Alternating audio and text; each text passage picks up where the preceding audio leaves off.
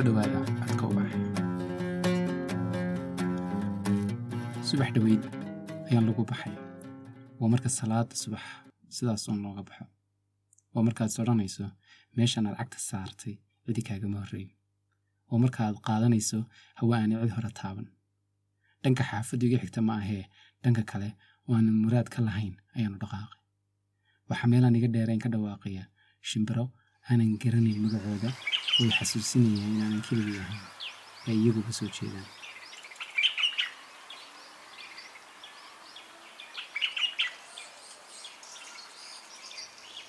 layl qabow oo aan ku dhibayn ilaa aad isku weynaysa mooyaane ayaa kolba inigu dhacaysay dadka waxaan ahay jidka baabuurta raaca inta badanna ka hortaga baabuurta soo socota fariimaha dhegaystayaasha ee barnaamijkii horey igaga yimid ayaan akhriyayay xalay oo dhan jacaylkii celaf weyn waxay igaga soo noqotay falcelin aad u badan oo dhammaanteed wanaaga waxaan isweydiiyey waa maxay sababta ay dadku sidan oo dhan ula yaaban yihiin samarka iyo wanaagga? Ma dadkaas ka qalbi wanaagsan oo ka hela jacaylada wanaagga ku dambeeya? Mise sideedaba falashada wanaagga ayaa yaraatay oo sidaas darteed ayaa loogu farxayaa wixii yar ee wanaagsan ee la arkaba? Maxaa loola yaabay samarkii gobaad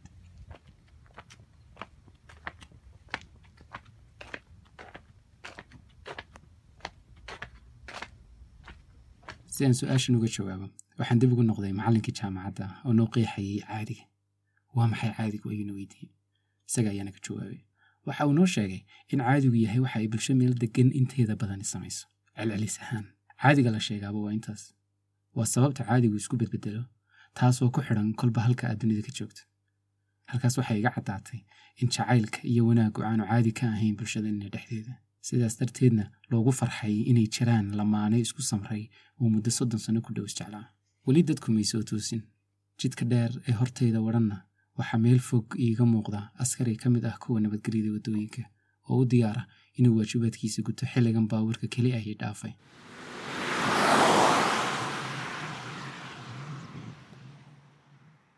Waa dadka ay bulshadana u aragto mashiin hawshooda qabsanaya.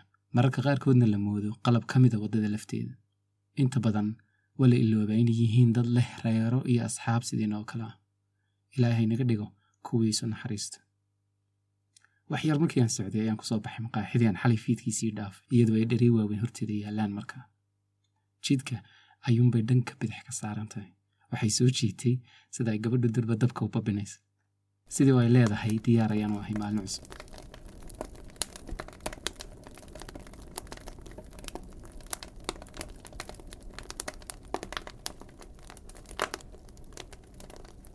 dabka laftiisa ayaa ah duco iyo isdhuldhig ay gabadhu ilaahay ku weydiisanaysa arsaaqad waa duco ficil ah waxaan is idhi siyaabaha ilaahay wax loo weydiistaa way badan yihiin mararka qaar dab aad shidato xilligan oo kale ayaa ka dhigan ilaahay oo arsaaqad xalaalaysii dib ayaan ugu noqday asxaabtaydii bal inaan jawaab waafi ah u helo sababta jacaylku qariib u yahay waxay isugu jiraan qaar xaas leh qaar lahaan jiray iyo kuwo aan weli guursan waxaan dib ugu noqday galabtii aanu isla jidkan aan marayo meelaan ka fogeyn ku gorfaynaynay mawduucan.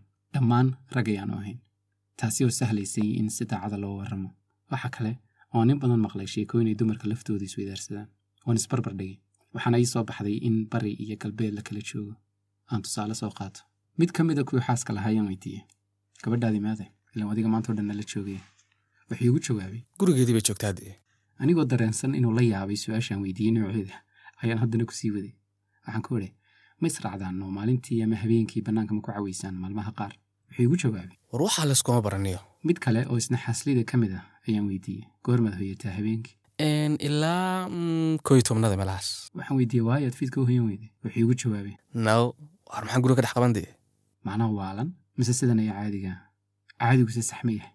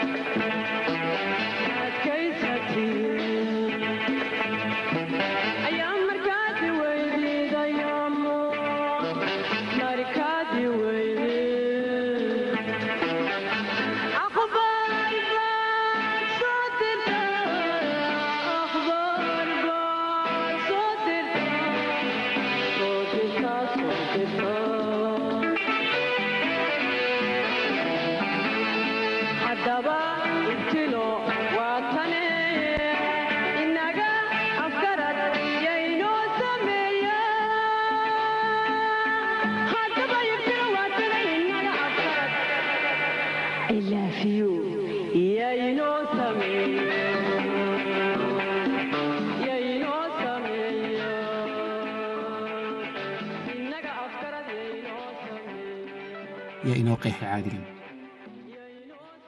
Sidan yaa ka dhigay caadi. Ma aad adayg ay ragga soomaalidu dhasheenbaa ma wax ay barteenbaa mise waa wax ay ka dhexleen dhaqankii hore ee raggu subaxii salaada hore geela u kaleyi jiray oo raaci jiray? Taas oon maanta dabcan magaalada looga baahnayn waa maxay qalafsanaanteed qaar ka mid a fariimihii dumarku kaga falceliyeen barnaamijkii hore ayaan soo xasuustay. Waxaa ku jirtay markaas su'aal ah. Talow ninka soomaali ma ku noqday? Waxaan is weydiiyey maxaa looga jeedaa soomaali? Miyaanu marka horeba soomaali ahayn. Waa maxay waxaan kale la raadinaya? Ma qowmiyad kalaa laga dhex baadhaya oo markii hore aan ahayn tii ay gabadhu ninka ku raacday maxaad u jeeddaa ayaan ku idhi waxay tidhi yacni dee mafaarax buu ku noqday. Markaas ayaan fahmay. Su'aasha waxaa ka muuqataa inaan ninka soomaaliga ah lagu aqoon abaalka fariinta ku xigta ayaa iisii sharaxday dulucda su'aasha hore. Tan oo ka timid gabadh kale. Kolli waa nin soomaaliyeed oo sideedoo kale ulamu dadaaleene dantiisu ka raaci lahaa. Cajiib. Badanaystayaalba loo yaqaan ragga soomaalida. Waxaan soo xasuustay odhaah aan hore u maqlay oo ahayd. Ninka markii lacag u korodho naag baa u korodha. Halkii ay aragtidan haddaba ka timid ayaan is weydiiyey. Ma dhabbaa oo raggaa noocaasa ma ficiladii asxaabtayda xaaskale ay samaynayeen ayaa werwer ku keenaya dumarka. Oo haddii ay wakhti la qaadan lahaayeen xaasaskooda way shaki bixi lahaayeen mise islaamaha ayaa hablaha saameeyey islaamihii odhan jiray yaanu ninkaaga shilin u dhigmin. Hadduu u dhigmo beri tolo naakaa daba keenaya. Waa iga tolanaya ha ii dambaysa saamaynta waalid ku leeyihiin ubadkooda. Waana soo noqon doonaayo se waxaan rabaa inaan fahmo halka aragtiyahan dumarku qabaan ka yimaadeen. Ama si kale aan u dhige ficilada noocee ah ee raggu sameeyaan ayaa hab fikirkan sabab ah doodii asxaabtayda ayaa markan madceedda kaaheedu aad u soo baahay aan dib ugu laabtay mid ka mid ah kuwa aan weli guursan ayaa yidhi waar dumarka niyo lama raaligelin kara niyo waayo ayaan weydiiyey. Waar niyo adinkoo imika caadi ku kala tega unba iyadoo kacsan kula soo hadlaysaa. Gabadh ayaad la sheekaysataa soo maa ayaan ku idhi haa. Ayuu igu jawaabay. Maalintii mise jeer baad la hadasha ayaan ku idhi in badan niyo marar badan baa la hadlaa. Tiro maleba taas. Maxaad istiraahdaa? Maan weydiiyey. Maxaa kaa galay? Wuu igu fahmay. Iska waraysan islaa. Runtii ilaaqbayga ahayd su'aashaas dambe dabcan. Laakiin waan fahmay halkay wax ka khaldan yihiin. Waxaan arkaa isfaham la'aan aad weyn. Layskuma kalsoona waxaan isweydiiyey arrintani ma waxay ku qotontaa saamaynta ay waalidku ku yeeshaan ubadkooda ee hooyadu inanteeda ku tidhaahdo naya raggu waa cadow. Odayguna inankiisa ku idhaa ima qalwaryaa dumarku waa carruur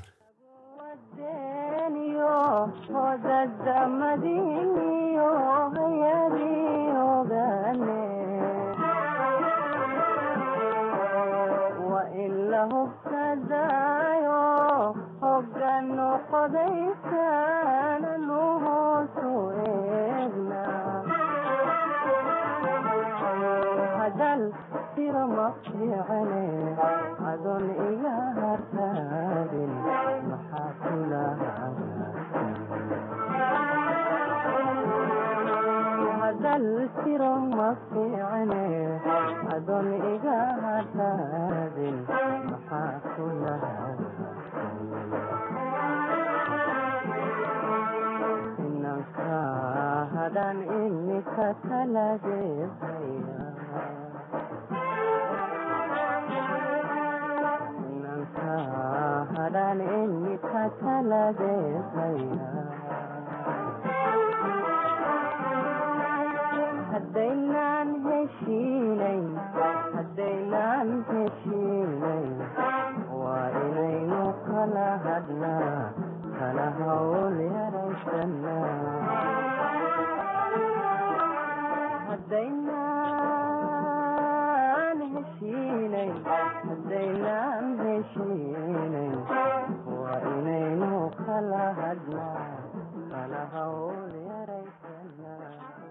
aniga waxay la tahay.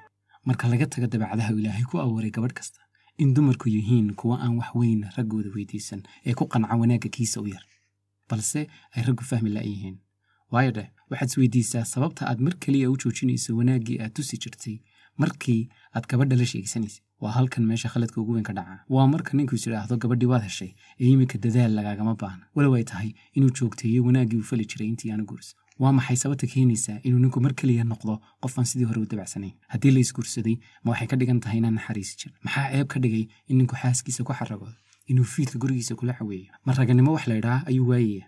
Mise isagu waabuu samayn lahaaye bulshada ayuu ka baqaya. Fikir ahaantayda waxaan is leeyahay dhowr sababood ayaa jira oo raggu dumarkooda ugu adadag yihiin. Ta koowaad waa kalsooni darro. Ninku waxa uu ka baqayaa in raganimadiisu naaqus noqoto haddii uu kalgacayl tuso xaaskiisa. Waxa uu ka baqayaa in guriga mar kasta lagu arko. Waxaa kale uu ka cabsanaya in bulshadu u aragto nin ay naagtiisu ka adag tahay oon xorriyad lahayn. Ragga qaarkood ayaa u arka ad adayg dumarka la tusaa inay tahay ragnimo. Qodobka labaad ee aan u arko inuu meesha yaallo waa aqoon darro saaxiibkaygii doobka ahaa soo xasuusta hadalkiisii. War dumarka niyo lama raaligelin karaniyo cabir noocee ah ayuu saaray. Yuuse ku dharariyey raaligelinta dumarka. Dabcan ta ragga soo maa aragtida halkan ku jirtaa waa in ragga qaar ula dhaqmaan dumarka sidii oo ay yihiin rag. Maxaan uga jeeda ilaahay ragga iyo dumarka isku si uma abuurin. Waxyaabo badanna way ku kala duwan yihiin. Tusaale ahaan dumarku waxay baahi joogtaha u qabaan in kolba la xasuusiyo doorka ay gabadhu noloshaada kaga jirto. Xagga ragga laga yaabo inay kugu filnaato sannadkii hore oo lagu yidhi waan ku jeclahay. Balse dumarka ilaahay sidaas uma abuurin. Dumarka waa inaad mar kasta xasuusiso qiimahooda. Haddii aad saaka u sheegtay in lugaheedu qurux badan yihiin waa inaad barqada adigoo suuqa jooga la hadasho. Deedna tidhaa gacmahaaga ayaa ka daran. Dabcan ma aha inaad been u sheegto mana aha inaad iska tidhaahdo si bilaa dareena ma aha carruur cagweyn sidii odayaasheennu inagu yidhaahdeen waase noole naxariista jecel rabana in loo joogtiyo haddii ay raggu ogaan lahaayeen faa'iidada eryada naxariista leh mabay joojiyeen waayo erey kasta oo wanaagsan oo aad xaaskaaga ku tidhaahdo waa wax adiga kugu soo noqonaya waa geed aad waraabinayso hadhowna adigu midhihiisa guranayso taladan raggii gaar oo ahayd waan sidaa labadhii samir yeelo weliga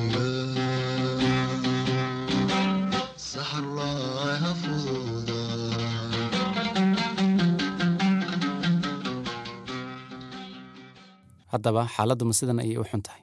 Waa run oo dunidaba tirada furitaanku aad ayay u badan tahay. Taasna waynu la wadaagnaa. Oo waxaa la sheegay in boqolkiiba konton guryaha dhismaa ay dumaan haddana sida sheekadeennu u socotay waxaad mooddaa inay dhammaantood wada dumaan. Dabcan taasi dhab ma ah waxaa jooga qoysas deggan oo farxad ku nool laakiin waa maxay sababta kuwan oo keliya ah loo maqlaa? Waxaa ka mid ah in kuwa sida wacan u noole aanay badhaadhahooda dadka la wadaagin ma jirto wax ku kalifaya inay idhaahdaan waannu isku faraxsannahay waxaaba dhici karta inay qarsanayaan farxaddooda uu ilaahay siiyey ee uu inta kale kaga duway. Waayo ma fududa in iyadoo asxaabtaadu cabanayaan aad tidhaahdo anigu barwaaqa ayaan ku noolahay. Waxaan ku soo gebagabaynayaa ma jirto hal waddo oo lagu maro farxad waarta.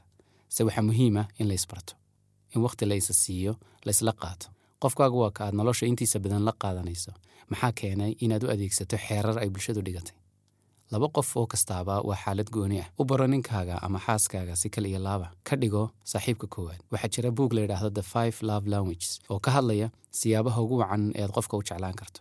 Jacaylkiisana ugu jawaabi karto. Qodobka aan u bogay ee qoraagaasi sheegay waxa uu yahay in aanad adigu sida aad rabto in jacaylka laguu tuso aanad qofkaaga u tusin. Aan sii sharaxo. Sida aad rabto in laguu jeclaado ha moodin in qofkaaguna kula rabo in loo jeclaado. Waxaa dhici karta inaad adigu ka hesho in mar kasta afka lagaaga sheego in lagu jecel yahay inaad muhiim tahay inaan lagaa maarmayn. Dabeedna aad adiguna qofkii kale sidaasoo kale ula dhaqanto walow uu qofkaasi yahay amaba uu noqon karo dadka jecel in hadiyad ahaan jacaylka lagu tuso oo uu ficil arko. Sidaas darteed iska ilow waxaad adigu jeceshahay iyo waxa ay bulshadu caadiga u taqaano oo baro waxa uu qofkaagu jecel yahay. Dabeedna u samee. Haddii kale adiga oo daalay oo dadaalna kugu yarayn ayaad haddana niyad jebi doontaa. Markaad aragto iyada oo aan lagugu mahad celinayn dadaalkaa oo weliba lagaaga cabanayo Música